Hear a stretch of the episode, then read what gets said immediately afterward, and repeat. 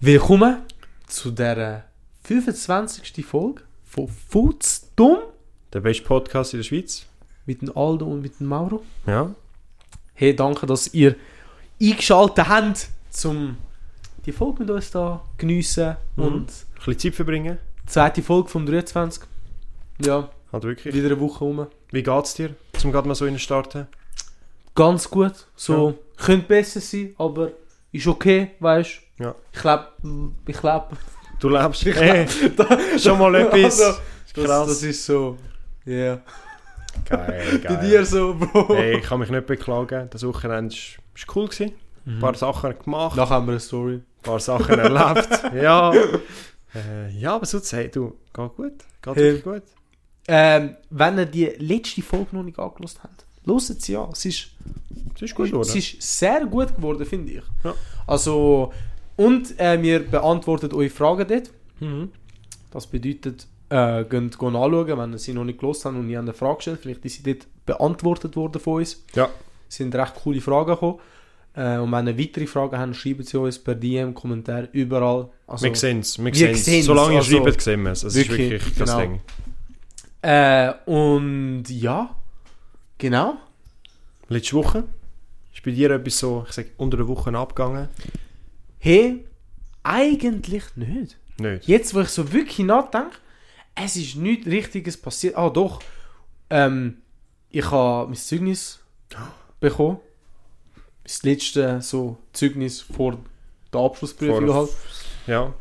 Und ich äh, will mich auch für die BMS anmelden. Also ich habe mich auch schon angemeldet, aber Mhm. das Zeugnis hat mich ja so wieder daran gehindert, weil ich angerufen habe, Ja. um wieder abklären, so, Sie haben hey, gesagt, yo, sie weisst, wollen, sie ja, sie, haben, sie wollen das Nächste noch. Und eben, ich habe immer so Angst gehabt, so, ja, wenn ich jetzt da scheiß Noten habe, bin ich gefickt.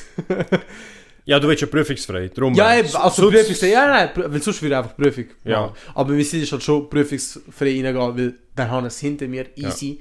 Muss ich mich nicht auf Sachen üben und alles um dran. Easy. Äh, aber wie es aussieht, habe ich es geschafft. Schon? Ja, Zeichnen habe ich sehr, sehr gute Noten und Arbeitstechnik auch. Und bei den anderen habe ich nicht einmal eine Note. Mhm. Habe ich nicht einmal gewusst. Weil wir Krass. VA gemacht haben. VA habe ich präsentiert. Oh, und? Hey, Ist gut geworden? ich sage es gerade so, wie es ist. Okay, nein, ich muss aufpassen, weil ein paar hören zu. Oh, oh, Ein oh, paar oh. hören zu. Ich finde, nein, eigentlich fast alle haben es gut gemacht. Schon. Aber eben, fast. Fast. Wir lassen es bei dem. Wir lernen es bei dem. Äh, ja. Ja. so. Nein, ich das ist glaub, geil. Ich glaube, jeder, der in der Lehre war und VA durchgemacht hat, es hat immer so zwei, drei. Die es auch verkackt haben. N nicht einmal verkackt. Also bei uns hat Also- es wirklich ein paar gegeben, die Schon? wirklich verschissen haben. Ja, also die haben Also gar nicht geschafft. Jemand, ich sage nicht einmal, ob es ein Sie oder ein Er ist. Wirklich. ich, hab, ich bin geschockt. Gewesen. Oh, Ich bin nicht. Ich, es ist nicht so, gewesen, dass ich gemeint habe, so, jo, du hast es verkackt. Ich bin wirklich tätig und habe so gedacht, ah, du hast das gerade nicht gemacht. So auf dem Niveau. So all, wirklich, als ob du das jetzt mit gutem Gewissen dort präsentiert hast. Boah, shit, Alter. Also es ist wirklich Dann so... ist es auch wirklich... dann nein, nein, also es ist wirklich so heavy shit. Also... Oh. Äh, ich hätte so etwas nie können durchmachen Mhm. Und wenn meine Note jetzt schlechter als die von dem ist, reklamiere ich. Nein, kein Witz, ich Du hast ja, reklamiere. hast ja 30 Tage Zeit, also... Ja, true. True. Aber eben, es ist jetzt endlich durch. Jetzt kommt scheiß Abschlussphase äh, bei mir. Ja. Haben die auch so etwas wie äh, QVs? So Probe-QV, die ich machen muss? Also, wo richtig auch benotet werden, oder wie Nein, meinst nein Einfach einfach, so- so, in dem Sinn zum, zum wie alte üben, QV, einfach ja. zum Schauen. Ja, werden wir schon. Auch. Ja, ja. Easy. Hey, zum Glück halt, weil sonst, zum Beispiel bei Arbeitstechnik, wir haben keine Ahnung, also es, wir haben so viele Themen dort, Mhm. Über Stein und alles, weißt nur schon Stein an sich kannst du über 1000 Sachen machen, Logisch, dann noch für was man sie braucht. Also es ist eigentlich easy grosses, äh, easy grosser Bereich. Hey, und zum Glück, weil es gewiss, also er hat uns mal so ein paar Fragen gestellt. Hey, und das sind, meistens sind einfach so Trickfragen. Ja. Konstant. bei nur. uns, bei uns auch so Schon. Alle haben am Anfang immer gesagt, ja, du musst hure detaillierte Sachen wissen. Ja, ja. Am Schluss beim QV, du musst über alles, ich sag so, bisschen Bescheid wissen, aber Ja. nicht so wirklich so uh, detailliert. Ja, so ist ja. es fast bei uns gewesen. Und das ist, Also die Probe-QVs haben wirklich den Arsch gerettet. Ja, ja, um glaub, einfach wissen, wie es aufbauen, was kommt dran, eben was kommt nicht dran, wie fragen sie es. Weil auch viel bei uns ist es bei Multiple Mhm. Choice und so Sachen gewesen, oder Schon. Also wir haben wirklich so, schreiben, schreiben, haben wir nicht wirklich viel, viel müssen. Wir haben auch viel können Wie, wie auswählen. ist deine äh, Abschlussprüfung abgelaufen? So im genaueren? So plus, Boah, minus? Ich muss jetzt gerade überlegen, also wir haben ja verschiedene gehabt, wir haben ja für jede Fach, also für gewisse Ja, ja, Fächer haben, genau. wir, haben wir schriftlich und mündlich gehabt. Ja, ja, voll. Und gewiss, bei gewissen Fächern haben wir jetzt gar keine, dem sind wirklich Abschlussprüfung gegeben, sondern wissen nur einfach so die Vornoten, die gezählt haben. Ach schon? Ah, das ist aber noch okay. Ja, okay, aber das ist mehr bei den, bei den kleinen Fächern. Ja, so Bei den grossen Hauptfächern, so, ja. für die, die so Geschichte haben, so Sachen. Nein, aber bei uns bei den Hauptfächern, also im Englisch, haben wir einmal einen mündlichen Teil gehabt, wo wir müssen vor zwei Leuten einfach Ja, ja, ja, ich rede auch nicht- mündlich. Ich weiß nicht mal, ob es re einfach Rede war oder sie haben einfach Fragen gestellt und so. Mhm. Oder nein. Nein, True, du hast, du, hast es, du hast eine Seite bekommen und du musst durchlesen und die verstehen. Und dann, Ah, und ihnen, dann haben sie nachher Fragen gestellt. Äh, Also was für Sachen. Seite? Also von einem Buch oder? Ja, sie haben einfach, ich, ich weiß nicht, Ah, ein ja, Artikel, ein Mail Okay, oder ja, ja, voll. irgendetwas, Ja, ja. wo halt, dann musst du durchlesen und verstehen vor allem. Ja, das ja. ist das Wichtige. Ja. Und dann bist du halt in den Raum nachher reingegangen, hast glaube eine Stunde oder 45 Minuten hast du Zeit gehabt, um dich Holy Notizen shit. machen. Ja, hast du nicht gebraucht, also bist nach 20 eben. Minuten bist du fertig gewesen. Und nachher hast du in den Raum reingehen und sie haben dich halt in dem Sinne Fragen gestellt, hast, du hast gewisse Sachen müssen erzählen, wie du es verstanden hast, was du daraus interpretierst und so. Okay. Und das auf Englisch alles? Das auf Englisch, ja. Äh, das Deutsch ist auch gleich gewesen. Mhm. Da haben wir nichts Spezielles gehabt. Auch schriftlich halt, hast halt Aufgaben bekommen, eben Satzbildung und das Ja, ganze. Auch so das Normale. Also, ehrlich gesagt, das deutsche Niveau im Detailhandel ist etwa gleich wie auf der zweiten, dritten Sek. Also, ist eigentlich nicht wirklich etwas dazugekommen. Es war wirklich nur Repetieren. Gewesen. Ja, kann ich glauben. Und DHK, das ist wirklich der einzige, der wirklich einfach scheiße war. Wenn wir jetzt, DHK? DHK, das ist Detailhandelsfachkunde. Ja, eben, das ist Arbeitstechnik. Arbeitstechnik. Arbeitstechnik, ja, dort war genau. wirklich viel gewesen, und wir dort wirklich einfach eine, eine, wirklich schlechte Lehrerin gehabt. Ja, darum... Äh, Ah, das ist bitter, aber ja. die Lehrer machen viel aus. Das ist wirklich krass. Und Wirtschaft, der hat eigentlich die beste Lehrerin gehalten.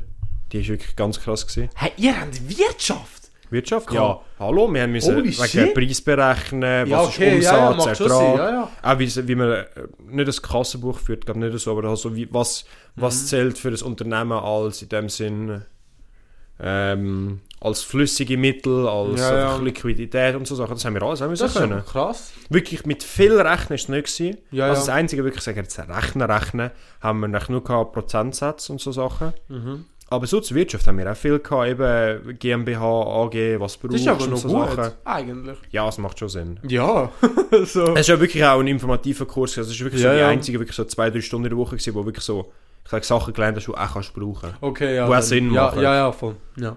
So ist es Genau, easy. Aber sonst, ich sag dir eine Abschlussprüfungen, ja eben, wir haben halt wirklich so das letzte halbe Jahr Einfach durchgekostet. haben wir auch wirklich nichts mehr Neues gelernt, sondern wir haben auch wirklich jede Stunde haben wir können angehen und sagen, wir machen all die QVs, da hat jeder für sich geschafft, da hast du dich können korrigieren, weil du hast halt Lösungen und so alles auch gehabt. Mhm. Und dann hast du wirklich ein halbes Jahr blöd gesagt die QVs gemacht. Und irgendwann Ja, hast du die Angst nicht mehr davon gehabt, weil es ist, du hast gewusst, was dich ja voll, ja, voll. Und gewisse Ar äh, Aufgaben sind sogar von alten QVs einfach ein bisschen abgeändert und so. Also es ist wirklich Ja. nicht so, dass einfach etwas komplett Neues kommt, Ja, ja, es ist sehr, sehr repetierend gewesen, das Ganze. Ich sagte, bei mir wird es eigentlich so, wirklich, ich habe kein Englisch, Ja. ich habe kein Deutsch. Ja, das ist krass. Also, ich habe Arbeitstechnik, habe Mhm. ich mündlich, das Gespräch, schriftlich. Zeichnen habe ich, das Mhm. ist, das fickt. Das, ja, das kann, das wird anders das kann ficken. alles ficken, ja. Weil, das Problem ist nicht. Ja, nein, doch, das Problem ist sie geben dir, ja, du musst das jetzt zeichnen, aber sie beschreiben es dir nur. Und wenn du die Formeln nicht weißt, wie man das gut zeichnet, bist du. Ja. Also, weißt Und du hast nur eine Stunde meistens Zeit. Und in einer Stunde bringst du nichts her. Ja, Zeichnen Nie. ist wirklich Nie. wenig. So, so wirklich Fachzeichnen mit Ge Geodreieck, wirklich, das ist schwierig. Mhm. Das in einer Stunde und dann auch genau, jede, jeder Strich hat eine andere Dicke. Oh shit. Das Also musst du wirklich so, schauen. Ja. ja, Jeder Strich hat, das, weißt die Kanten, die sind anders. Also, das ist wirklich geflasht. Shit. Das, äh, und sonst halt bei uns wird hauptsächlich nur auf praktische gesetzt. Ja. Kunst. Wir haben halt das auch gehabt. Wir haben ja auch eine praktische Mhm. Prüfung gehabt. Und bei uns hat er da viel, äh, erstens die Vornoten von der Schule zählt. Ja, aber ja, auch das bei uns auch. Vornoten, also die Noten vom UK und vom, wir haben so einen Vorkurs über gehabt. In Okay. der Lehre, im ersten halben Lehrjahr haben wir für, einen Vorkurs fürs das UK gehabt, also für unsere Weiterbildung, die wir Oh, hatten. shit. Und die Noten hat auch erzählt. Also so, hat er viel über Vornoten, die praktische Prüfung hat noch etwas dazu erzählt. Darum, äh, Nein, ich habe Glück bei den UKs. Ich habe fünf, wir haben fünf UKs gehabt. Ja. Und bei allen, wirklich, das, das haben mich so triggert. Beim letzten UK, den ich jetzt im Dezember hatte, Mhm. hätte ich dort einen 6 geschrieben, hätte einen 6er Durchschnitt gehabt. oh shit. Und wegen einer halben Note, ich habe einen 5 bis 6 bekommen, Ja. Habe ich jetzt Aber ist bei, bei euch UK, ich weiss nur eure, ist eure physische Arbeit gewertet worden? Oder haben die Wir haben auch gehabt? in einem UK, also von diesen fünf UKs ist einer nur ein Fachzeichnen-UK gewesen, wo wir auf Bern gegangen sind. Ja. Also hast du müssen auf Bern gehen, dort eine Woche einfach zeichnen auf dem Laptop, Mhm. oder Kompi halt. Äh, und das Programm dort lernen haben wir. Und das ist noch easy geil eigentlich, so extrem. Ja. Mal das Lernen, äh, weil sonst haben wir bis jetzt immer von Hand und von Hand ist, es braucht tausendmal länger. Ja, logisch. Ist auch nicht geil. Und dann bei den restlichen vier, das ist halt jedes Jahr dann einer gewesen, pro Lehrjahr hast du dann einen gehabt. Du hast immer müssen halt etwas hauen, Mhm. logischerweise. Und dann beim dritten von diesen vier Jahren, also in meinem letzten Lehr äh, UK, nicht der, wo ich jetzt hatte, Ja. Dort haben wir noch einen schriftlichen Test gehabt, über allgemein, ich sag mal so, Renovation und so Scheiß. Aber dort Nicht. habe ich, ich habe einen Fünfer gehabt. Okay. Aber so gut, Bei uns ist es nämlich richtig also, gefickt aufgebaut gewesen. Du musst dir vorstellen, wir haben eigentlich nur drei UKs gehabt. ja. Die ersten zwei gehen die Woche und der Ja. letzte geht nur drei Tage. Ja, voll, das weiß ich. Und ja. bei uns ist wirklich die erste, also der erste UK ist so aufgebaut, du hast, wenn du kommst, hast du gerade eine Prüfung. Kommst du an, kommst vom Zug, du hast deine Sachen ins Zimmer, hast gerade eine Prüfung. Okay. Die zählt aber nicht. Ah, das ist so zu Aus dem schauen. ersten UK, die erste Prüfung zählt nicht. Und dann äh, fängt der normal der Unterricht an und am Mittwoch hast du nochmal eine Prüfung, Okay. die zählt, Ja. und am Freitag. Holy shit. Und dann beim zweiten UK, und das ist eben das, was richtig reinfickt, die erste Prüfung, wo du gerade wenn du ankommst hast, die zählt, Zählt. dann, die zählt. aber über was ist denn die Prüfung? Also weißt du, um was Du es weißt, um was es Ah, geht. eben, Aber okay. das Problem ist, es ist wirklich, es sind nicht reelle Sachen. Also viele Sachen, also muss ich wirklich sagen, wir haben auch über Batterien so gelernt oder über Ja. Kameras und ich sage 95% von uns hat nie eine Kamera in der Hand gehabt. Oh, okay. Und so Sachen. Und auch wirklich viel, nicht unnötiges Zeugs, aber auch so, wie funktioniert Strom, was ist Ampere, Ohm und so. Also eigentlich nicht, ah, hat schon mit der Technik zu tun, aber ich sage nicht, wenn du so Lebensmittel... die haben zum Glück nicht mit uns gehabt, aber wir haben Ah, schon nur, nur Technik, also nur Consumer Electronics. Okay. Aber jetzt stell dir vor, äh, eine Frau schafft im Swisscom-Laden, verkauft das Handy im Monat und verkauft halt sonst nur Abos. Ah, okay. muss, ja, muss verstehen, wie ein so- Akku aufbauen ist und so. Und das ist halt wirklich scheiße. Also wir haben insgesamt eigentlich äh, äh, drei, sechs Prüfungen, die gezählt haben. Ja, Weil in dem ersten UK sind die letzten zwei Prüfe gezählt ja, haben. ja, voll. Beim zweiten UK alle drei und beim letzten UK auch nur zwei. Dann haben wir am Okay. ersten Tag, am ersten auch wieder einen gehabt und am, am letzten Tag, also am Mittwoch in dem Sinn. Ja. Und bei uns sind auch wirklich alles Prüfungen am Computer gewesen. Der Vorteil dort war, ist, Mhm. du hast wirklich alles können auswendig lernen. Weil wir haben das gleiche Lehrmittel gehabt. Okay. Es sind genau die gleichen Fragen gewesen. Und auch, es ist immer Multiple Choice gewesen. Ah ja, dann ist ja easy. Aber es ist Also, trotzdem, easy. du musst dir vorstellen, am zweiten Nike, wo du hast ankommen, Mhm. du hast 1000 Fragen gehabt, du müssen können. Also nicht so, dass einfach so, Ja, ja, so ein paar ja, hundert, sondern es sind wirklich so richtig viel gewesen. Ah, das ist aber schon heavy. Ja. Aber du, man hat es geschafft. Ich habe, was nicht, ich glaube, ich 5, 5, 2 oder so im Schnitt. Hey, easy. Es geht, aber Bro, wir haben wirklich einfach auch gewisse, die einen Durchschnitt haben von einem, von einem Vierer oder sogar drunter. Also wirklich, Oh, wenn du es nicht anschaust, verstehst du es nicht. Das ist wirklich Scheiße, so. ja, ja, ja. Das ist Ah Mann, Alter, nein, das ist... Ja, mal schauen. Also wie sich jetzt da bei mir nächstes Jahr... Das Nicht ergibt, einmal nächstes Jahr. Fü fünf Monate ist fertig. ja, also, Bro, es geht Nicht einmal ein wirklich, halbes Jahr. es geht wirklich dann Monate. schnell, Alter. Nein, aber ich bin froh, endlich fucking fertig mit dem ganzen Scheiß, Alter. Äh, und... Ja, wir werden es sehen. Mhm. Wie krass. Wie Irgendwann krass. heule ich entweder da oder bin ich froh. Hey. äh, ja, Wenn wir mit dem Ding vom, vom, vom, vom ja, Tag, das Ding fangen vom wir Tag. an. Die, die das nicht mitbekommen haben, schämt euch. Ja. Weil letzte Woche haben wir etwas ganz Wichtiges euch äh, vorgestellt. Mhm. Eine neue Rubrik, würde ich Ein, jetzt fast ja, sagen. ja, voll Rubrik, das ist perfekt. Äh, ein Zu- ein Zuschauer hat äh, eine Frage gestellt, äh, the Quote of the Day. Ja. Und wir haben so gedacht, ja, Quote, also weißt du, wir können es toppen. Ja. Und jetzt haben wir aus dieser Frage eine Rubrik erstellt, das Ding vom Tag. Und jetzt machen wir es so, jede Folge erklären wir euch oder empfehlen wir euch etwas. Irgendetwas. Irgendetwas, es muss nicht mal ein Quote sein. Vielleicht manchmal kommt ein Quote, vielleicht manchmal Irgendetwas. Wir können einfach wirklich irgendeine Empfehlung abgeben. irgendetwas. Eine Empfehlung, ja. Ähm, und ja, was, was ist Meine dein Ding vom Empfehlung, Tag? das Ding vom Tag für mich ist, hey, nehmt euch einen Kollegen und geht mal am Abend schön essen. Boah, okay. Einfach, ich sage jetzt nicht ein Date, aber in dem Sinne auch Doch, in die doch. Richtung, wirklich einfach Zeit verbringen und mal irgendetwas, nicht, nicht in einem Mac oder so gehen, nicht in einem Fastfood, sondern mal wirklich in einem Restaurant stimmt, ja, sitzen, das stimmt. mal ich sage, etwas Vernünftiges bestellen und dann auch wirklich miteinander reden. Das ist so geil gewesen, Alter. Ja, ja, das ist geil. Das ist so meine Empfehlung. Okay. Das Ding vom Tag. Das Ding von vom meiner Tag Seite. vom Mauro, das Ding vom Tag vom Aldo ist, schaut den neuen Avatar-Film an. Ist er gut? Das ist ein Thema, das ich will ansprechen Okay. Okay. Weil ich habe geschaut. Oh, ich habe ihn noch nicht gesehen. Ist er... Ich habe eigentlich beides gehört, muss ich so sagen. Ich, ich bin auch auf beiden Seiten. Okay. also, Okay. weißt du, also hast du den ersten Film Den geschaut? ersten habe ich gesehen, ja. Wie hast du den gefunden? Ist cool gewesen. ich muss sagen, ich habe ihn, cool ich habe ihn schon lange nicht mehr gesehen. Ich habe Also, wirklich besser gesagt, hast du ihn gesehen, als er rausgekommen ist, oder hast du ihn später mal gesehen? eher, wo er rausgekommen ist, würde ich sagen. Weil ich has ihn, ich has eben erst so, ich sag mal so vor fünf Jahren oder sechs gesehen. Ja, Nicht als er gerade rausgekommen ist. okay. Das nicht. Also ich habe ihn auch nicht im Kino gesehen, aber ich habe ihn eher Ja, ich am auch, ich Anfang, auch. wo er dann in dem Sinne auf Blu-ray erhältlich Doch, ist, ja, habe ich auch. Ja. Ich so auch. Nein, ich habe sogar auf Netflix gesehen, weil ich glaube mal, er ist für kurze Zeit auf Netflix, Netflix, gewesen, ja. okay, shit, ja. Ähm, ja, was kannst du dich an die Geschichte erinnern? So, was...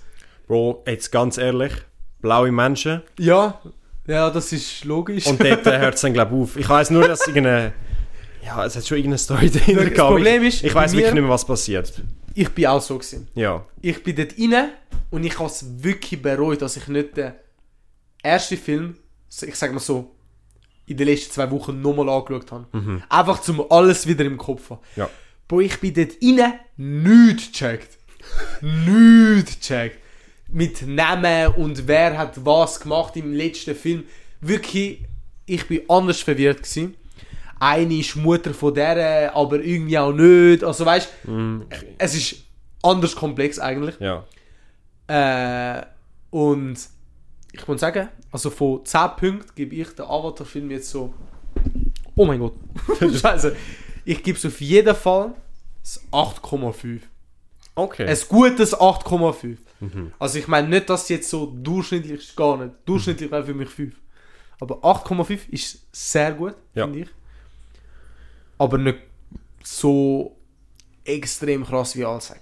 ist, ist das videografisch wirklich so geil gemacht? Ja. Da, da muss ich zugeben, also das ist krass. Wir haben es nur leider in 3D gesehen, wir haben es im 4D schauen, Mhm. im Pate. Äh, aber es ist krass, wie real das manchmal sich anfühlt. Ja. Einer von den allerersten Shots im Film ist, äh, wie man die Menschen sieht und man sieht nur ihre Augen ganz kurz. Mhm. Jo, das sieht anders realistisch aus. Schön. Also es hat mich wirklich so in dem Moment, ich denke so, damn, Alter, Mhm. okay. Props, Alter, hätte ich jetzt wirklich nicht gedacht, dass es wirklich so krass ist, wie alle denken. Sie haben ja wirklich also Technik erfunden, so die haben so- erste, ja, ja. die erste 3D Unterwasserkamera. so. Sie haben ja extra für den Film müssen neue Sachen entwickeln. Ja. Das ist das Krasse. Das ist wirklich crazy. Aber ich muss zugeben, der Hype ist schon ein bisschen groß. Schon. Zu groß, finde ich. Geschichte. Ist die Story aber gut gewesen? Story, top. Schon. Aber das Problem ist, es, weißt du, dass schon weitere drei, weitere, also drei weitere Filme geplant sind? Also in den nächsten 30 Jahren. Nein, in den nächsten 10 Jahren sogar. Den, Sie werden in den nächsten 10 Jahren. Wie lange ist der? Jede erst- zwei Jahre. 25 kommt einer raus, 27 und 29. Oh, boah. Es Hab wird ich gemeint. Es wird neu Fast and Furious. Das ist eben mein Problem. Das ist mein Problem. Es Nein. endet nicht in einem Weg, wo du kannst sagen, ja, es ist, ist gut, weißt du? Ja. Es endet, und nicht einmal auch in einem Cliffhanger. Es, es, es endet schon, Mhm. aber es ist so, ja, also, das Problem ist immer noch nicht gelöst, was dort, Das, das finde ich etwas, was einfach scheiße Ja. ist, dass einfach Ja. die neuen Filme einfach aus dem fucking Greed von diesen Leuten, dass sie Ja. noch mehr Geld machen, einfach überall in die Länge gezogen werden. und er ist schon recht lang gewesen, der Film. Das ist ja drei Also, Stunden oder drei, so. drei Ich meine nicht, mal 15 so, Minuten. ich meine nicht mal so in die Länge gezogen, sondern Ja, mehr, dass ja, sie, ja. je- Ja, ja. Dass sie Nein, wieder ich einen neuen du wollen machen. Das finde ich das Problem. Keine Ahnung, ich habe es geil gefunden und eben Geschichte und ich sag mal, die Welt ist so geil gemacht. Also du merkst wirklich, sie haben sich Gedanken gemacht und so. Aber ich mache mir jetzt wirklich Sorgen wegen diesen scheiß drei neuen Filmen. Vor allem, sie werden jetzt nächst, in zwei Jahren wieder einen rausbringen. Ja. Wie lange haben sie jetzt gebraucht zwischen dem ersten und dem Ja. zweiten Teil? Nein, das Ding ist, eben, sie haben schon ein paar Schutzaufnahmen gemacht vom dritten. Habe ich gemeint. Weil, das nennt sich ja der Stranger Things äh, Effekt. Schon. Weil bei Stranger Things, die Serie, Mhm. ist das Problem gewesen, dass Kinder in der ersten Serie, äh, in der ersten Staffel ja so jung sind. Und dann haben sie hure lang gehabt und jetzt sind sie ja erwachsen geworden, die Kinder.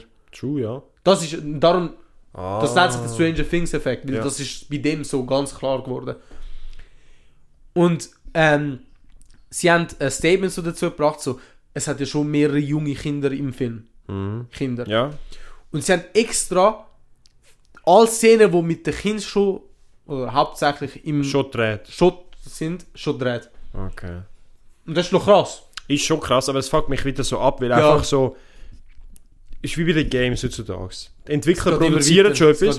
Und bevor es neue Release ist, sind sie schon So am nächsten dran, sind ja. das andere schon wieder aufgegeben. Ja, so, nein, das- hey. Keine Ahnung. Also eben, ich habe es easy geil gefunden, muss ich wirklich Props geben. Es ist nicht so, dass ich es nicht geil gefunden habe, aber ich habe Angst. ich habe wirklich Ja. Angst. Äh, Geschichte und so, top. Wirklich top. In der Mitte, gerade vor, ich sag mal so, Endkampf, habe ich mir wirklich gedacht, okay, jetzt langsam wird wird es in die Länge gezogen. Ja. Ich habe wirklich so einen Moment so, ja, okay, habe ich schon schnell auf die Uhr sogar geschaut, so, ja, ist, ist ein bisschen, Scheiße. geht ein bisschen zu lang jetzt. Nachher, Endkampf, Perle, aber ist recht vorhersehbar. Ja. Auch. Aber ich habe bei den meisten, ich sag so, Filme so, was könnte passieren. Also ich habe wenige Filme, wo ich effektiv ins Kino kann schauen, wo so... Wo dich flashen, so, jo, Ja. weißt du, so. Also einer von der letzten Filme, wo ich das kann, ist der, der letzte Star Wars gewesen. Also, wo es nicht vorhersehbar Ja. Schon? Wo ich so... Weil, weil, Bro, ich sag dir noch nie, ich habe einen Star Wars Film geschaut. Nein! Noch nie. Oh. Noch, also so eine... Ja doch, nein, noch nie. Scheiße. Du schon? Ja, ich habe alle gesehen, mehrmals. Ja. Nein, ich nicht. Ich finde das Universum richtig geil, aber ja, wenn, macht es eigentlich nicht so Nein, nein, sag, also du kannst erklären. Ich Ja, es ist wirklich einfach so in gewissen Szenen, bist du auch wirklich gesessen und du hast doch nicht verstanden, weil es einfach so nicht Ja. komplex ist, aber weil du so gedacht hast, wie ist das jetzt möglich? Und nachher tun sie es dann erklären, wie es Okay, okay, passiert. Und das okay. ist wirklich geil gewesen. Und den Film habe ich wirklich zweimal geschaut und ich habe wirklich zweimal gedacht, ich habe einen anderen Film geschaut. Schon? Weil ich habe einmal, Bro, das erste Mal auf dem, im Kino müssen aufs WC gehen. Und ich, ich versuche es wirklich zu verhindern. Hey, ich bin wirklich gefühlt in der wichtigsten Stelle aufs WC gegangen, komme zurück, alles wieder normal und ich schaue jetzt zum zweiten Mal. Ich denke so, ich habe das noch nie gesehen. Das ist Oh, so wichtig für shit. das ganze Weitere, dass es Sinn macht. Und genau das habe ich verpasst. Ah, Alter, okay, aber das ist bitter. Das ist wirklich ja schlimm. anders Nein. bitter. Holy shit. Bro, ich bin glaube noch nie, noch nie während einem Film oder so im Kino ja, halt das ist bei mir das erste Mal. Das erste Mal das gesehen. Ich letzte. wirklich, ja, wirklich, Das Alter. nächste Mal holst du eine Flasche. Alter. Ja, das ist wirklich... Ähm, bist du so, was würdest du dich eher nennen, ein Film oder ein Serienwatcher? Wenn Film. Schon. Ja. Ich schaue beides nicht viel. Das, Ich auch, ja, ich schaue auch nicht.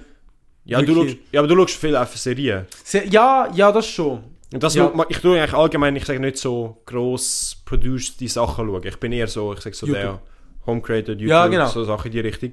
Aber äh, wenn, dann gehe ich, wenn mal wirklich, wenn ich etwas geil finde, dann gehe ich ins Kino den schauen. Ja, nein, das, das stimme ich dir auch zu. Also, wenn, wenn jetzt so voll etwas kommt, wo ich sage, okay, nein, der will ich schauen, dann gehe ich auf jeden Fall ins Kino. Ja. Aber sonst, ich meine so, hast du die Kultur von, von Film, wo vor, weißt du, kannst du sagen, ja, der Film vor 20 Jahren. Also, checkst du, was ich meine? Nein. Weil es gibt so Menschen leider. Ja, es gibt, es sind dann gleich, die, die gleichen Leute, die alle Marvel-Filme am Stück müssen schauen Oh, wow. Das sind auch so, hey, haben die Schlimm. nichts Besseres zu tun, um einfach jetzt die Also, fucking ich würd- 40 Filme oder wie viel das es gibt, Ja, genau ja. in dieser chronologischen Reihe, Ja. wie das geplant ist. Hey, juckt. Hast du alle Marvel-Filme geschaut? Nein, ich habe Ich auch nicht. Bro, ich Ich hätte hab- gesagt, ich ich hab habe ein die Hälfte. Zettel. Schon? ich habe wirklich wenig. Also der letzte, wo ich mich wirklich mal erinnere, äh, Avengers. Endgame, Endgame, ja. Endgame, ja, genau. Aber äh, sonst, Bro, ich habe kein Spider-Man geschaut. Iron Man habe ich sicher schon einen, zwei gesehen. Mhm. Ja, und dann ist es vorbei. Also bei Marvel, früher in der Oberstufe habe ich fast jeden geschaut, wo in dieser Zeit rausgekommen ist. Mhm. Eigentlich fast wirklich jeder, jeder. Infinity War und Endgame, pü, Alter, habe ich die gefühlt. Ja. Also die sind wirklich gute Filme. Das sind, glaube ich, die einzigen zwei, die ich effektiv auch richtig... das Ding ist eben logisch, das ist so typisch, weißt Das ist ja der wichtigste. Aber eben, es ist der wichtigste. Ja. So, weißt wenn, wenn du die anderen nicht geschaut hast, ist eigentlich scheißegal. Ja. Weißt Du kannst Aber das ist, schauen und das, es ist, spalten. das ist geil bei, bei, bei, der, bei dem Universum, dass sie es anbringen. Du kannst die Filme einzeln schauen und es Ja, macht trotzdem ja, ja, Sinn. genau, ja. So wie du es jetzt erzählt hast, macht das bei, bei Avatar ist das so schlimm, dass es einfach, wenn du den ersten nicht gesehen hast, du einfach du checkst nicht, es nicht, ja, nicht es ist, so, es ist schon recht verwirrend. Und das kriegst du eben bei, bei fucking Marvel eben an. Ja, das, das ist eben geil gemacht. Das stimmt. Ähm, was haben wir noch ansprechen? Ah, ich weiß nicht, ob du das mitbekommen hast, aber ich glaube schon. Äh, auf. Also, besser gesagt, kennst du den Office? Ja, also Schon. kann Kennst du die Inderin, die dort äh, ist? Kelly heisst sie. Ich habe den Office durchgeschaut. Ich habe dann Jahr. anfangen, ich habe den ersten hab, gehört. eh, das ist nochmal eine Empfehlung. Schaut den Office. Schon. Das ist so lustig. Also oh ich, ich kenne jetzt ehrlich gesagt nicht gerade den Inderin. Es hat eine Inderin dort Ja. und sie ist Produzentin gewesen, auch von der Office selber Mhm. und hat mehrere Folgen auch gemacht. Und sie ist auch weiterhin später noch äh, Produzentin gewesen. Ich weiß jetzt nicht mehr genau ihren Namen, Ja. äh, aber in der Show Office hat sie Kelly geheißen. Okay. Mindy, ich glaube Mindy heißt sie. Im, also als In echter Name. ja. Sie hat jetzt eine Show produziert. Scooby-Doo. Okay. Also weißt du nicht, über was ich rede? Scooby-Doo, also ich, ich, ich weiß nicht, was... Sonst Nein. hättest du gecheckt. Okay. Ja, nicht. Es ist ein Scooby-Doo-Spin-Off rausgekommen, Ja. wo Velma heißt. Velma ist doch die Frau. Ja, genau, das ist die Frau. Ja. Es heißt nicht Scooby-Doo, es ist Velma. Aber es ist eine Spin-off-Serie von Scooby-Doo. Und es Okay. geht hauptsächlich um Velma. Ja. Macht Sinn. Velma, also als erstes, es ist der meist, oder besser gesagt, schlechtest bewerteste Film, wo jemals online gestellt wurde, ist, habe ich, oder Serie, besser gesagt, sorry. Alter. Es fängt gerade so an. Das Erste, was du von dem erzählst, ist so, hey, Ähm, verkackt. Ich habe gemeint, der Dragon Ball irgendetwas, so Re Real-Life-Action, hat so ein 2,6 gehabt. Das hat es 1,9 oder so von 10. Ich sag dir, schlimm. Ich habe hure viele TikToks gesehen, ich habe auch ein paar YouTube-Videos geschaut, weil es hat mich wirklich gewundert, was so... Was so Weil scheiße am Anfang habe ich nicht gecheckt, um was es geht. Ja. Ich habe einfach nur gehört, ja, das ist scheiße, das ist scheiße. Und das ist so das Problem mit der heute, also, nein, ich, sag, ich darf jetzt wirklich nicht falsch sagen, holy shit.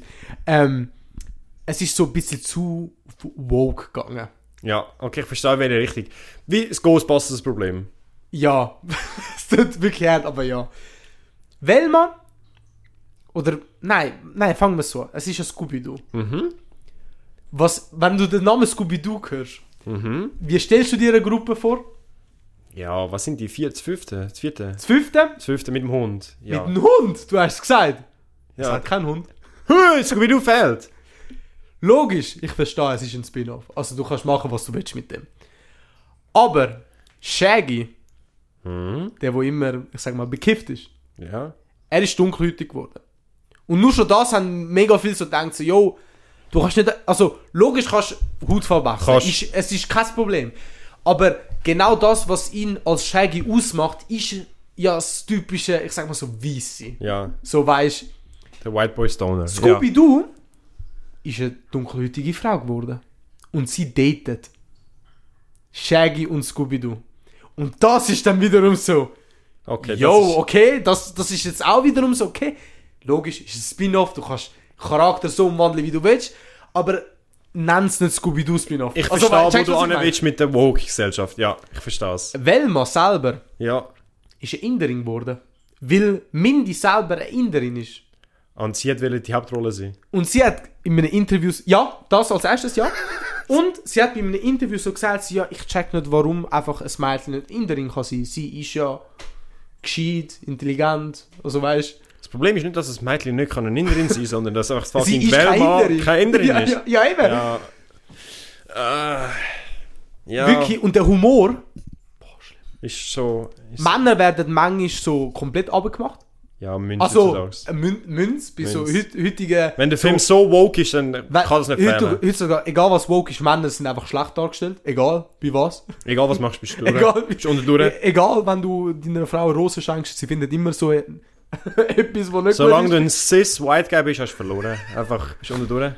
Äh, eben, es hat wirklich so mehrere Jokes, die ein bisschen zu weit gehen. Mhm.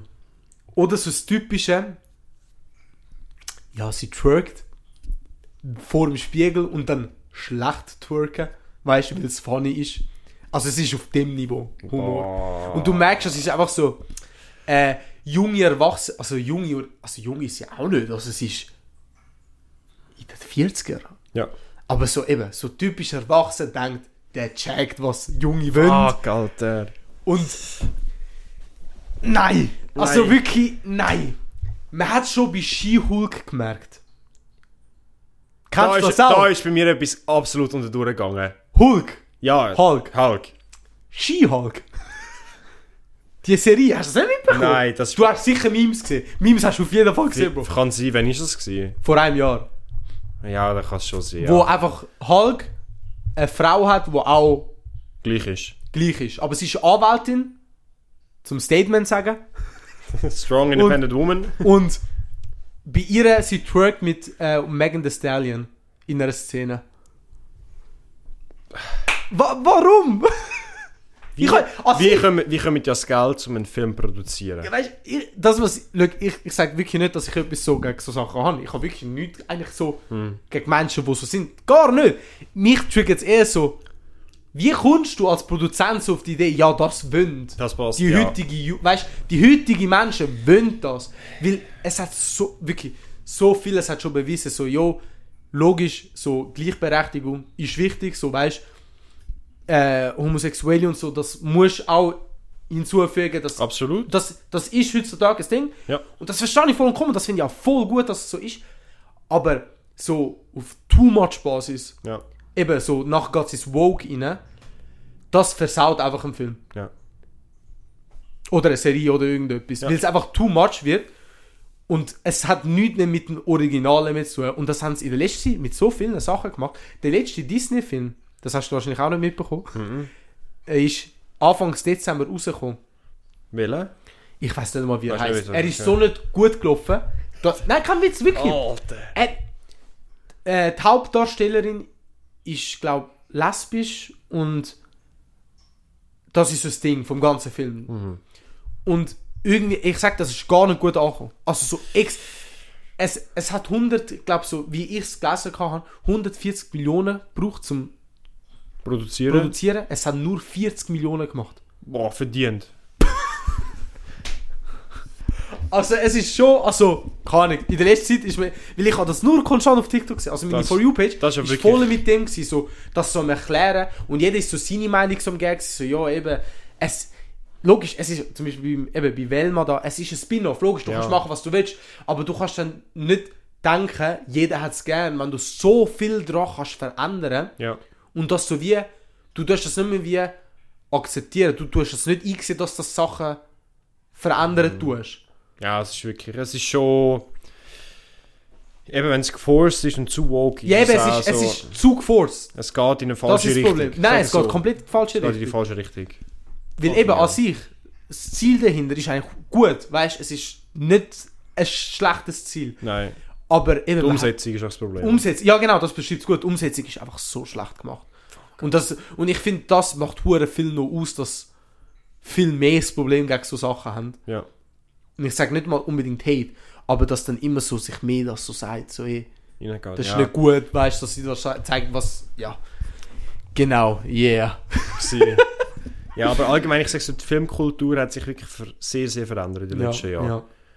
Hast du gerade einen Film, wo, wo, dich noch freust? Boah, ich weiß nicht, wie der heißt. Er ist nicht einmal richtig Horror, er ist eher Psycho. Mhm. Al, nein, nicht, nein, nicht Alzheimer. Annabelle? Oppenheimer. Oppenheimer, okay. Kennst du ihn? Äh, der kommt jetzt im Juni raus. Ja. Und das ist die Geschichte von äh, der Typ, der mitgeholfen hat, äh, Atombomben machen. Von wo Hiroshima explodiert hat. Und das ist seine Geschichte und das wird so voll.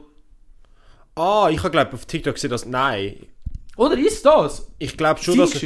Ich weiß nicht, ob, du, ob, ob ich vom Richtigen rede, aber ich habe in den letzten Tagen viel auf TikTok gesehen, dass einer für einen Film eine Atombombe gebaut hat. Ich glaube, das ist das, was du meinst. Zum, zum die explodieren lassen, zum filmen.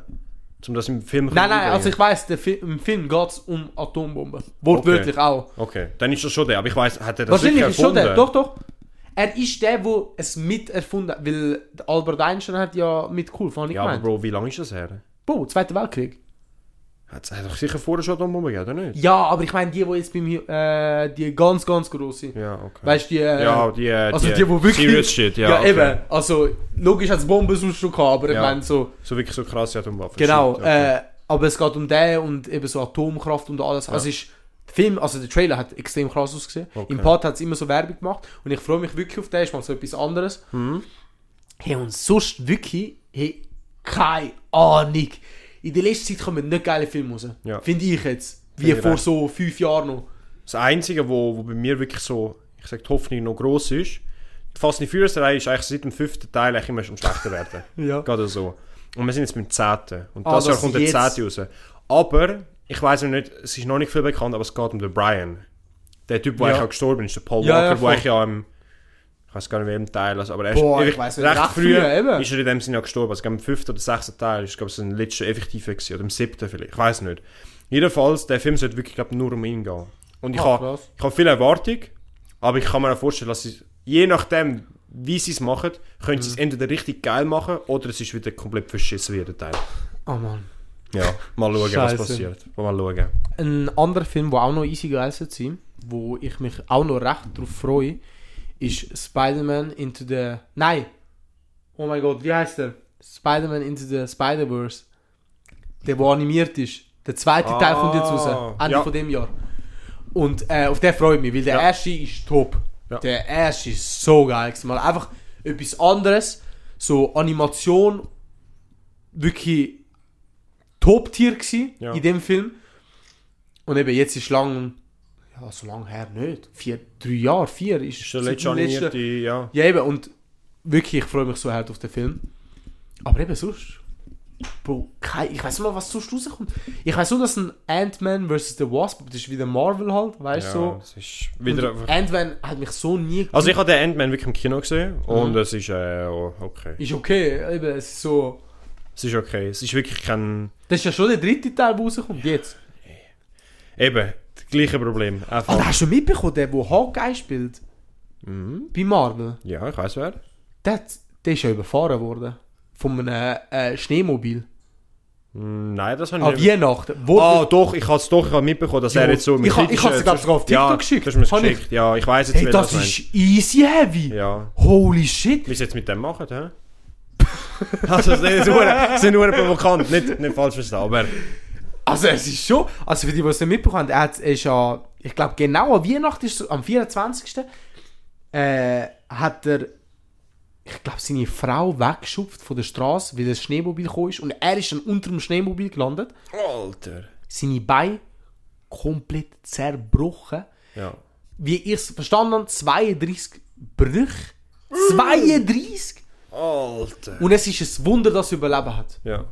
Also das ist Ich finde es aber krass, dass du sagst, der Schnee, äh, so Schnee, Schneemobil. Schneemobilunfall, weil was krass ist, viele Bekannte verletzen sich dadurch. Der Michael Schumacher, Michael Schumacher, Ja. Formel 1-Fahrer, Ja. das Jahr im Januar, gerade am Anfang Januar, ich weiß nicht genau, 4., Jetzt? 5., ja, ist einer der berühmtesten so Autotypen gestorben, der Ken Block. Ist ein ganz bekannter Drifter. Auch Mhm. Mit einem... Ist auch ein Schneemobilunfall, ist schon verreckt. Bro, richtig krass. gewesen. Einfach, wenn die bekannt sind, hey, bleibe doch von dem scheiß Schnee und Skifahren weg. Das ist doch wirklich nur dumm. Geht doch ins Hotel oder so, ihr habt genug Geld. Wirklich, eigentlich schon. Warum mit 80 das scheiß Loch aber Bretter, Alter, und nachher verreckst? Lohnt sich doch nicht. Nein, es ist wirklich... Eh, ja. Vor allem, es ist so gefährlich. Skifahren, eh, das ist anders gefährlich. Ich verstehe eigentlich. nicht, okay, ist jetzt vielleicht ein bisschen, ein bisschen helikoptermäßig, aber so, warum das Leute gehen freiwillig mit ihren Kindern, so 4-, 5-Jährigen auf diesen Ski, Alter. Äh, Denen kannst du doch nicht helfen. like, Ja, nein, also ich check vor, was du meinst. Es ist schon heavy und ich hätte... Also ich bin bis jetzt im... Bist du schon Skifahren? ja, Jemals? als Kind. Viel? Nein. Ist so... Ich bin dreimal raufgefahren, dreimal runter und nachher ist mir zu kalt gewesen, bin das Resti. Legende-Typ. So bin ich gewesen. Legende-Typ. Ich bin bis jetzt einmal im Skilager in der 60. Klasse oder so einmal Ja. mitgegangen. Vorher noch nie Ski gefahren, Nachher noch nie. nachher noch nie. Und da bin ich. Hey. Noch Ich nie, habe alle Beine. Beide Beine habe ich noch. noch nie Unfall gehabt, nicht. Ja doch, in der Oberstufe habe ich mich nachher schon verletzt, Ja, aber, aber- aber nicht auf der Ski. Aber weißt nicht so dumm und nicht so stark. Ja genau, ja, ja genau. Das stimmt wirklich so. Aber auch, Bro, ein Snowboard ist ja noch schlimmer. Bro, du kannst deine Beine nicht mehr bewegen. Du bist einfach auf einem Brett angeschnallt. Einfach Skateboarden. Ja, dann gehen wir lieber go Skateboarden. Bei Skateboarden kannst du wenigstens abspringen. Man macht das mit dem Snowboard? Du bist ja angekettet gefühlt an diesen fucking Brettern. Oder lieber gehst du surfen auch. Surfen ist auch wieder krass. Ja, okay, aber Surfen ist auch gefährlich, Alter. Ja, ist, ist gefährlich, aber du Just- kannst immer noch wegspringen.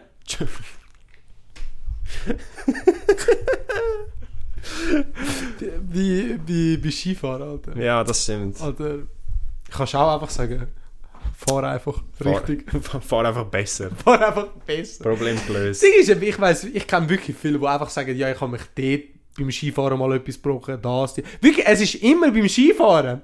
Vor allem dort ist es so aufwendig, wenn mal etwas passiert. Dann muss Regen kommen. Bro, Ah, Kranken halt wirklich, ja, ja. Es ist wirklich immer einfach. es ist wirklich dumm. Lösung für das. Nicht durchgehen. Nein, natürliche Selektion. Noch besser. Die, die raufgehen, die müssen sich einfach selber wissen, wie zu retten. Wirklich. Hey. Hey, also, keine Ahnung, wirklich. Hey, schau, wenn ihr gerne Skifahren, ich, ich check's. Wirklich, ich, ich sehe den Spaß dahinter. Ja. Aber ich sehe das Risiko dahinter. also, Ich, ich mache jetzt ganz etwas Unpopuläres. Wenn du schon Skifahren geh go langläufeln. Bin ich mal gegangen in den Säck. es ist wirklich für Rentner, aber das ist wirklich, das ist wie Skifahren, einfach sicherer ja. und entspannter. Du kannst geradeaus, geht ab und zu durch ab, aber du hast deine Bro, Bahn easy. und wenn du halt einen Meter rechts gehst, dann bist du halt nicht gerade tot, weil einfach, Das stimmt. dann hast du eine Bahn und rechts hat ein bisschen Tiefschnee, aber dann passiert dir nichts, dann bist du einfach flach und dann musst du nicht einfach einen fucking Hügel durch ab mit 90 Dann noch Lawinenangst haben oder irgendetwas. Du musst nicht mal einen Helm anlegen, weil der passiert einfach stimmt, ja, nichts. das stimmt, das stimmt. Du kannst wirklich einfach chillen.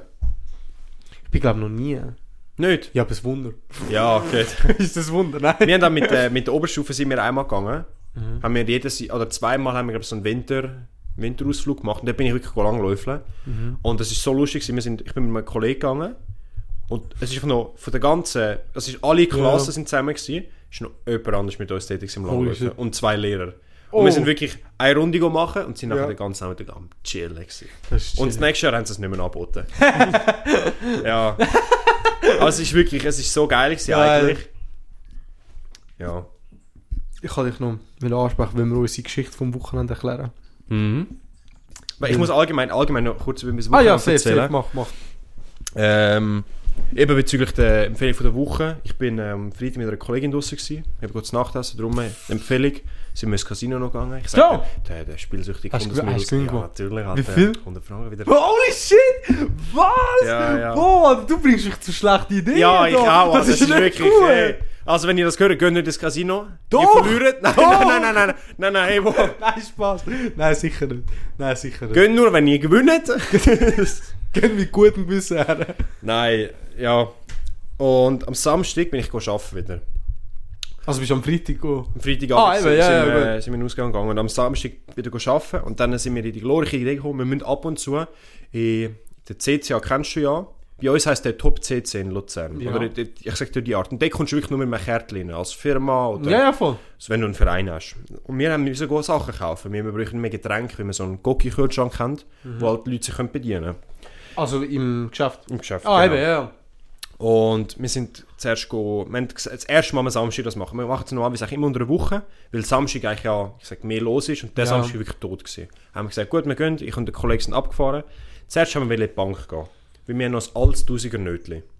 Mit denen kannst du nicht mehr zahlen. Das ist ja kein offizielles Zahlungsmittel mehr. Da musst du zu einer Schweizer äh, SNB-Bank, also zu einer speziellen Schweizer Bank gehen, die gehen wechseln. Wir haben das mitgenommen, sind dort angefahren ins Tiefgarage, laufen raus, Bank zu. Macht Oh. ja Sinn, am, am Samstag hat die ja, Bank nicht offen. Ja, ja. Schon mal das verkackt. Ah. Gut. Dann sind wir nachher, wie wir dachten, ja, es läuft eh nicht viel, sind wir noch kurz Auto waschen. Schon mal das ist tot gewesen. Bro, die, Mhm. Also was für ein Auto? Dein Auto? mein Auto, oder? ja, Ah, wir okay. sind mit Privatauto gegangen. Wir sind in die Waschboxen gegangen, komplett easy. Der Kollege hat Videos, ich muss mal schauen, ob ich dir die noch schicken kann irgendwann. Also wie easy? Der Boden ist einfach eingefroren, weil es halt mit dem Wasser halt die ganze Zeit ist und über die Nacht halt eingefroren ist. Holy shit. Wirklich dort das grösste Struggle gehabt, weil du musst eigentlich ums Auto immer rumlaufen. Wirklich, dass ich nicht umgekehrt bin. Das ist ein Wunder. Oh. Und nachher sind wir in den scheiß Top CC gegangen. Ja. Erstens, wir sind bis jetzt etwa 5, 6 Mal einkaufen. Immer normal viele Leute gehabt. Hast immer wieder mal Leute gesehen, aber nicht Bro, ja, ja, logisch, ja, ja. das ist ja wirklich ein Laden für Geschäfte, Büro, Ja, voll. Für, äh, einen Industrie. Betrieb, wo du Genau. halt mehrere Sachen auf einmal kannst kaufen. hey, nur Rentner. Was, wirklich? Und das hat mich wirklich abgefuckt. Weil du musst dir vorstellen, das sind nicht Rentner die ein Restaurant oder so haben. Einfach Rentner. So, einfach Rentner. Bro, wir, haben- wir haben Leute gesehen, ich habe was haben die gekauft? Ein Brot, zwei Salami. Weißt du, Bro, die hätten den normalen Mikro-Einkauf können machen Es hat keinen Unterschied gegeben. Und ich bin so einer, bei Essen schaue ich ehrlich gesagt nicht auf den Preis, weil ich bin es wert. Und ich kaufe es, Ja, wenn, ich, ja. wenn ich Lust habe, kaufe ich mir das und dann gönne ich mir das. Hey, ich bin so fressen das mal. Du musst dir vorstellen, ich bin dort angegangen, wir eigentlich, müssen eigentlich nur Getränke kaufen und wir kaufen halt immer noch ein bisschen für private Sachen auch noch ein. Ja, ja, voll. Und wir sind unsere Getränke geholt und nachher sind wir mit der Alkoholabteilung durchgegangen, ein paar Sachen angeschaut, haben wir aber nichts gekauft. Nachher sind wir zu den Süßigkeiten gekommen. Ja. Ich habe effektiv vier, so, es gibt auch die, ich weiß nicht, ob das etwas sagt, Stalder Schokicreme. Ist einfach so Schokicreme ja. und Ja, ja. Vanillecreme in, der- in einer Dose. Ja, voll. ich habe von jedem, wir sind immer so, halt im Top-Sitz ist halt alles so gross. Ja, So- voll. ist also zwei, also das Viererpäckchen mit Schoki, das Viererpack mit Vanille habe ich gekauft. Das habe ich gekauft, plus noch so ein 2,5 Kilo Sack so verpackte Schoki-Herzli, so Lindt-Schoki. Okay. Plus noch zwei, drei wirklich kleine andere Sachen. Ja, ja. Noch so, so ein kleiner, so ein, ich sag so eine halb Liter Flasche mit so ganz kleinen Marshmallows drin. Wie ich liebe die. Hey, ich bin nachher zahlen, Ja. 130 Franken. Ich habe gedacht, hä? Ich, wo ich nachher gezahlt habe, ich die Rechnung Also nur durchschauen. die Sachen? Ja, noch, und noch ein paar kleine andere Sachen. Ah, Aber okay, hey, eben. Bro, die Schoki-Creme, Ja. Bro, pro Viererpack 20 Stutz. Holy shit. Mal zwei. Bro, so ein 2,5 Kilo Sack Schoki mit so Schokiherzen. 2,5 Kilo schon viel, aber ist jetzt nicht so eine Riesenmenge. Hey, aber steht es nicht. Du Doch, aber eben, ich, ich habe hast nicht realisiert. Ich habe es auf Dummheit nicht angeschaut. Bro, 40 Stutz so ein fucking Schokisack. Bei dort gewesen. Und nachher, das, was mich auch wirklich am meisten abgefuckt hat, Okay. wirklich eine halbe Liter Flasche mit so kleinen Mini-Marshmallows. Gewicht 150 Gramm sind Marshmallows drin. Also physisch sind 150 Gramm Marshmallows. 9 Franken 95. Und dort bin ich wirklich hässlich geworden. Weil du Was kannst... hast du denn gemacht? Ja, ich habe Also es du gegessen. Ich habe es gegessen. Weil, du musst dir vorstellen, so ein Sack Marshmallows kostet vielleicht 2-3 Franken. Ja, ein aber so Sack. kleine. Aber so ein. Bro, sie haben dich 9 vernässt. Franken. Bro, ich habe gesagt, Sie haben so, dich vernässt. hey, gönnt nicht in den Top sitzen. Ich Nein. nur zum Alkohol gekauft. Ja, nein, das, ist, das hat mich wirklich abgefuckt, Alter. Kann ich glauben, Alter, what the fuck? Und der Grund, eigentlich, warum dass ich das Zeugs gekauft habe, ich habe das nicht mal für mich gekauft, außer Ja. die Marshmallows, sondern für meine Schwester. Ah, Weil ja. Sie hat Okay. einen Tag später, am Sonntag, hat sie Geburtstag gehabt. Ich kann halt in dem Sinne so ein Geschenk machen mit so ein bisschen Schoki, Vanillecreme und nachher noch so ein paar Make-up-Sachen habe ich noch vorher gekauft. gehabt. Habe ich so einen Korb gemacht und wir haben uns verabredet am Freitag mit, äh, am Sa- äh, Sonntagmittag in ein Restaurant, in, ich weiß nicht mal wie es heisst, ehrlich gesagt. Äh, oh mein Gott. Jedenfalls Ich weiß nicht, einfach in Tuke hat es ein Ja, genau. berühmtes Hühnli-Restaurant, wo in dem Sinne einfach Hühnli oder wo es eigentlich nur Hühnli gibt, mit drei verschiedenen Soßen. Das Ding von dort ist, dass nur Frauen äh, es. Ausser Nein. jetzt, nein, nein, jetzt, jetzt ist das erste Mal. Der Brüder hat uns gehabt, der Grosse. ja, aber er ist der Sohn von einer. Ah, Darum. okay. Aber, Aber sonst ist eben immer das Ding, dass nur Frauen. Ah, das habe ich nicht mal Ja. gewusst. Okay, krass. Und dann fahren wir dort hin. Ich bin mit meinen Großeltern mitgefahren, steige aus dem Auto aus. Und nachher sehen wir halt sehen meine Familie, wie sie aussteigen. Und halt meine Schwester mit ihren Kollegen, die schon dort sind. Und dann höre ich einfach ans Fenster klopfen. Mein erster Gedanke ist, wie mein Großvater nicht einen Touch ins Auto gemacht hat, aber er hat, er hat an der Tür ans Auto angelehnt gehabt. ja.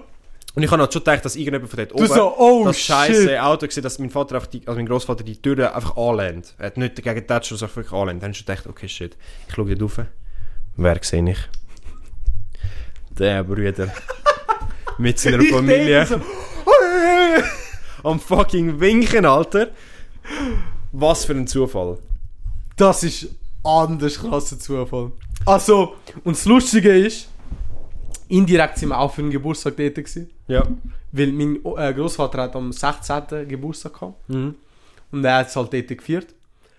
Freundin von meinem Onkel hat auch am Sonntag aber Geburtstag gehabt, aber sie ist nicht rum, gewesen, weil Ah, sie sind in den. Bergen gewesen. Aber sonst Ja. hätten wir auch ihren Geburtstag dort Ja. gefeiert. Ich bin dort, normal am Essen. Und mein Vater ist voll Hund fasziniert. Und ich habe keine Ahnung, warum, immer wenn er einen großen Hund sieht, sagt er immer so, wow, was ein Elefant. Aber so im guten Sinne, weißt du, nicht im Ja. bösen Sinne.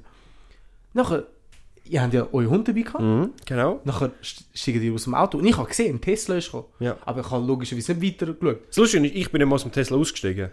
Ah, ich bin, nicht? Ich bin in einem anderen Auto drinnen gewesen. Das habe ich nicht mal bemerkt. Okay. Ich habe einfach nur den Ja, Tesla... das gesehen. Easy, okay. Auf einmal mein Vater so, boah, was ein Elefant. Und ich so, ja voll, habe ich den Hund angeschaut. So, ja voll. Und nachher schaue ich wieder zurück. So, wait, der, der Hund kenne ich. so, der, oder der ist mir recht bekannt. Ja. Nachher meine Mutter so, ist, ist das der Mauro? Und ich so, wow. Schau ich dort runter, sehe ich einfach so dich, ganz groß. Ich so, oh mein Gott, mein Vater, mein Vater hat geklopft, Ah, nicht ich. nicht ich, mein Vater hat geklopft. Ich so, bam, bam, bam.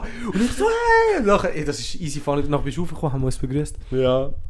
Ist aber easy, lustig gewesen. Gar nicht erwartet, was, genau was für ein Zufall. Ich habe mir genau noch beim Reinlaufen so gedacht, so, eigentlich ist die Chance groß, dass ich da irgendjemanden sehe, wo ich kenne. Weil die meisten bei mir in der Arbeit kommen eben von dieser Umgebung. Ja. Und darum habe ich so gedacht, es wäre noch easy funny, würde ich jetzt einen sehen. Und nachher sehe ich einfach dich aber. Das und ich so, ja okay. ähm, meine Mutter hat so dumme Cringe-Kommentare wegen Podcast machen gesagt und ich bin dort so anders am abcringen gewesen. So, ja, heb Schnurren. Meine Eltern haben aber auch ein paar Sachen gesagt, so. Hm. Was? Sie haben, wir haben ja zwei, also bis jetzt drei, nein, zwei Kollegen von meiner Schwester mitgenommen, den Zwillingsbrüder von ihrem Freund und Ja, seine Freundin. Und meine Mama hat schon gesagt, hey, weißt du, so, zu diesen zwei, geh doch zum Alten und sag, hey, bist du nicht der von Futztum und so, weißt du, so. Nein, oh mein Gott, ich hätte mich so blamiert. Ja, ich, ich, Ich hätte gedacht, hey, das, so können, blamiert. das können wir nicht machen, das ist zu, zu cringe. Oh mein Gott, nein, das hätte ich so nicht können machen. Das, Das hätte ich so nicht können Kann sie davon können abhalten, easy aber- funny. Aber Also das ist so typisch Ältere, die so Sachen ist sagen. Meine Mu also zum Klarstellen, was meine Mutter so gemacht hat. Meine Mutter, der Mauro kommt so, begrüßt mich so. Und ich bin halt ganz recht, ganz hinten gewesen beim Tisch. Also er hat, du hast vor allem Mhm. Ein müssen- Zufall, dass du gerade am Fenster gesessen bist. Ja eben, sonst hätte ich dich Ja, nicht, nein okay, ich glaube meine Eltern hätten dich schon erkannt. Schon? So ja, mein Vater Okay. hätte dich safe erkannt. Hey, aus dem Nichts, sagt meine Mutter so, als du da bist, hey, haben wir nicht geplant, eine Podcast-Folge da aufnehmen? Und ich so, nein, nein, hör einfach auf. Und ich so, ja, du also. so, Nein. Wannabe lachen. Nein. so. ah, Ja, aber ist funny gewesen, wenn das getroffen. das war wirklich funny, gewesen, Alter. Ähm, ja, Was für genau. ein Zufall. das ist wirklich ein extremer Zufall. Äh, dann, äh, was ist noch passiert? Was ist sonst noch? Hast du noch etwas? Ich habe noch etwas. Äh, eine Storyline, die jetzt beendet wird. Oh, ah ja, komm, schieß raus. Soll, soll ich raus, Ja, soll ich mach rausrühren? das, mach das. Die, die unseren Podcast seit längerem gut. anhören, folgen, alles drum und dran, wissen, ich bin äh, recht eingeschränkt. Wir können es so lassen. Wir können es so lassen. Jetzt ist voll fertig. Ja. ähm, ich, äh, einfach kurz gesagt, ich habe hure viele Allergien. Wir haben schon recht viel mal über meine Allergien Ja, zwei, drei Mal ist das wirklich so. Einmal ist es im Titel gewesen, Fake-Allergiker. Doppel und, nein, Fe Fake-Allergiker und, Und Doppel und, und ein Doppeluntaugliche. Ja. Geht zuerst die Folge anschauen, wenn ihr nicht checkt, über was ich rede. ja, es baut davon sehr stark Es, auf. es, es geht eigentlich über das, was ich dort Ja. rede. Weil in dieser Folge habe ich einen Termin gehabt beim Hautarzt und Allergiearzt. Das ist, wie man gesehen kann, schon fünf Monate her. Ja, das ist wirklich das ist Fünf Monate so her. lang her, Alter. Lang her. Ich habe endlich den Termin gehabt, äh, Ja. gehabt, nach vier Monaten, wo ich musste warten. In Oktober war es. Jetzt, Ende Januar, habe ich endlich den scheiß Termin gehabt. Wirklich, Alter. Äh, es ist darum gegangen, eben meine Allergie. Und ich habe eigentlich dort vorgehabt, Allergietest machen. Beim vorherigen Termin. Aber sie haben mir gesagt, nein, erst heute. Heute habe ich den Allergietest gehabt. Meine Arme vor der Arm, ich glaube, man wird es man wird's nicht Die sehen. Kamera wird es gerade nicht aufgenommen. Aber, Aber, es, ähm, zum Erklären, es hat wirklich einfach Pünktchen an Pünktchen an Pünktchen einfach... da, Ganze für die, Linie. die jetzt gerade etwas schauen, am Vorderarm, es hat einfach mehrere Punkte, so Nadeleinstich. Mhm. Äh, ich habe das, mit, als ich 10 war, bin, mal gemacht. Und eben, dort ist mir so gesagt worden, so, ja, wir, wir wissen nicht, was du hast, dies, das. Weißt du, Vegallergiker, darum. hey, also, es ist mir klargestellt worden, ich bin auf alles allergisch. So, Ja. Wirklich, meine Arme, ich habe ein Bild, ich habe es extra gemacht Oh, geil. zum es auch an meinem Chef schicken und so, Ja. zum weißt und kann ich, du musst sagen, ob es vielleicht too much wäre, weil es ist schon recht so, jo, Ich schaue mal an, ob wir das Bild easy. können da weil, hinzufügen weil es ist schon, also nicht das häss, es ist nicht hässlich, Hm. aber du denkst auch so, jo, okay, vielleicht. Der Bruder es ist gerade hat so gestorben. aufgeschwollen, meine Oh, Arme. Also, aber so in einem hässlichen Weg, so wie als ob mehrere Muckenstiche da gewesen wären. Mm. Äh, es ist jetzt so gekommen, dass äh, ich die Therapie, die ich vor 10 Jahren gemacht habe, sie haben mir wirklich so gesagt, das hat nichts gebracht. Drei Jahre? Hey, aber sind ehrlich. ja, ey, mindestens Hey. das. Ich habe die Thera- Therapie drei Jahre gemacht. Ja. Jede Woche mir eine scheiß Spritze reingesteckt. Zwei. Zwei. Für drei Jahre. Und Also, am Anfang ist jede drei Wochen und nachher jeden Monat. für nichts. Nichts. Für nichts. Nichts. Wirklich. Er hat mir sogar gesagt, es ist wirklich so schlimm. Der Bruder hat wirklich Und einfach... Birken. Ich bin, wir, wir nennen es Birken. Birken ist eigentlich eine Baumart. Mhm. Aber das ist auch der Überbegriff für die Allergie, für alle ba Baumsorten eigentlich. Ja. Ich habe das und all Gräser. Komplett. Bei allen volle Punktzahl. Ich habe es geschafft. Wirklich. Der erste Test, den der Aldo mit Bravour Wirklich, beste Test. Noch nie habe ich in der. Schule einen Sechser geschrieben. Hey, dort habe ich einen Sechser geschrieben. gehabt. Geil. Hey, und äh, ja, eben, jetzt dort, dann aus dem Nichts ist mir. Das habe ich vor 10 Jahren nicht gehabt. Das ist wirklich neu. Aus dem, das ist wirklich. Das hat sich in diesen 10 Jahren entwickelt. Kein Witz, wirklich. Bro. Ich bin auf Katzen allergisch. Der einfach entwickelt so sich wirklich. In diesen 10 Jahren hat sich das so entwickelt. Noch nie habe ich etwas mit Katzen zu tun gehabt. Ich weiß nicht, was sie mit- gegen mich haben. Wirklich. Vielleicht wegen dem.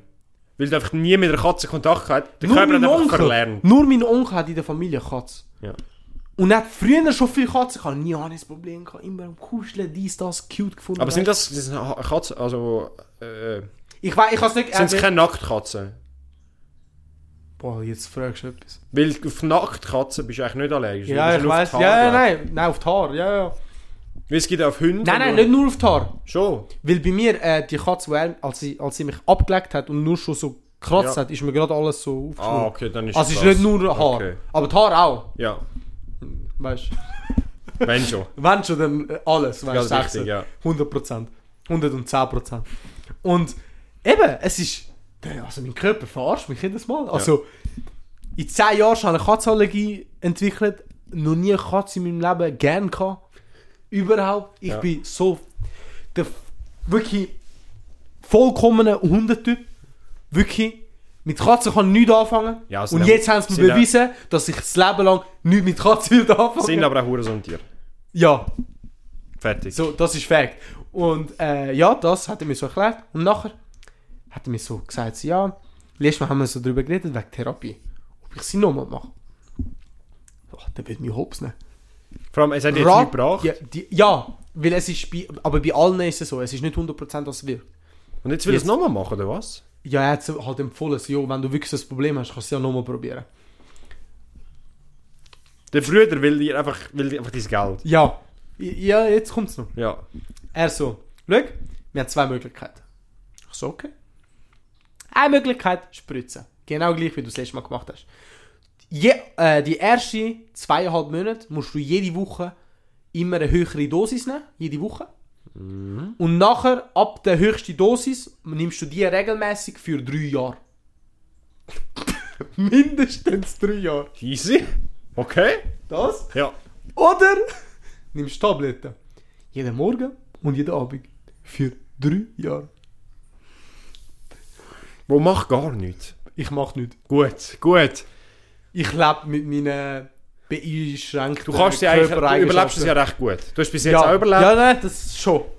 Aber, Das ist wirklich... hey, wirklich, das war mir gerade wirklich so ein Zeichen, gewesen, dass, dass ich nicht normal bin. Ja. so, so, Wir haben jetzt, wir haben jetzt ein Ende zu dieser Geschichte. ja, wirklich, es, wirklich, da, die, die so gemeint hat, dass wir so einen äh, Cliffhanger enden. Nein, es ist endlich nach fünf Monaten ist gekommen. Es ist einfach nicht der good ending, es ist der bad ending. Es ist so der Bad. Nein, nein, nicht einmal bad. Nein, doch, doch, Doch, bad. du- Doch, bad. Es ist bad. du Es stirbst ist einfach, wenn- also- ich bin tot. Ich bin nicht einmal da. Du kannst dich nicht mehr heilen lassen. So. Hey, und das Stechen, die, die es gemacht hat, die ist nicht muss ich wirklich sagen. Die ist im gleichen Alter gewesen. Eben, ich habe vor erklärt, ich kenne eine, wo, Wo wir auch kennen. wo wir auch kennen. Ist noch easy lustig, der Zufall. Sie mir so voll am erklären, ja, ich tupfe dir das. Sie hat mir wirklich, also ich man weiß nicht, ob man es sieht, Aber das sind viel. Ja, es sind hure Also es sind wirklich viel. Also, ich glaube 15 Stich auf einer Linie und es hat vier Linien im Ganzen. Also zwei auf einem Arm Und äh, auf dem und zwei anderen. auf dem anderen. Hey, und nachher wirklich so eine kleine Nadel hat sie rausgeholt. Also extra für jeden Stich eine andere Nadel. Steril. Ich habe gemeint, okay, das, das wird jetzt nicht heavy. Und es hat auch nicht effektiv wirklich weh da. Ja. Ja, aber bei gewissen, oh mein Gott. Hey, holy shit. Das ist so, da, da. So, Alter. also es war heavy. Gewesen. Oh mein Gott, das hat mich wirklich geschockt. Ich so, yo. Hey, und es hat gejuckt wie die Sau. Ja. Also, falls man das Bild sieht, wirklich falls, dann werdet ihr auch realisieren, warum, Okay. über was ich rede. Hey, aber es hat gejuckt. Oh mein Und sie hat mir so gesagt, so, wehe, du, du kratzt. Stimmt, du darfst ja nicht Du kratzen, darfst du darfst nicht, nichts machen. weil dann tut es sich eben Verfälschen. verfälschen halt. Ja, Ja. genau. Und, äh, oh mein Gott, ey, ich bin am Sterben gewesen. 15 Minuten habe ich warten. Boah, scheiße. Schlimm ist für 15 Minuten. Ich bin dort so gewesen, mit dem Handy noch in der Hand, so. Wirklich schlimm. Wirklich schlimm. Und dann noch raus, oh, heulend rausgerannt. Oh mein Gott, und vorher, was passiert ist. Oh mein Gott, das ist vorher noch passiert, bevor ich reingegangen bin. Ja. Ich bin mit dem Auto dorthin. Du musst dir vorstellen, es hat so ein. Dort, wo ich parkiert habe, dort hat es nicht effektiv Parkplätze gehabt. Aber es sind Parkplätze. Aber es sind nicht angezeichnet gewesen. Aber Autos sind dort parkiert. Ja. Viel. Und es ist so wie ein runder Platz, wo halt zwei Einfahrten hat, aber Ja. ein runder Platz. Und am Rand von dem runden Platz sind Autos parkiert. Einer von diesen äh, Plätzen ist frei. gewesen. Bin ich reingegangen, easy. Ich bin recht früh dort, gewesen, darum habe ich gesagt, ja, okay, ich warte jetzt einfach 15 Minuten noch im Auto, anstatt dass ich dort muss warten und nachher gehe ich. Ja. Easy, ich warte. Und dann aus dem Nichts sehe ich so, ein Auto fährt hinter mir her.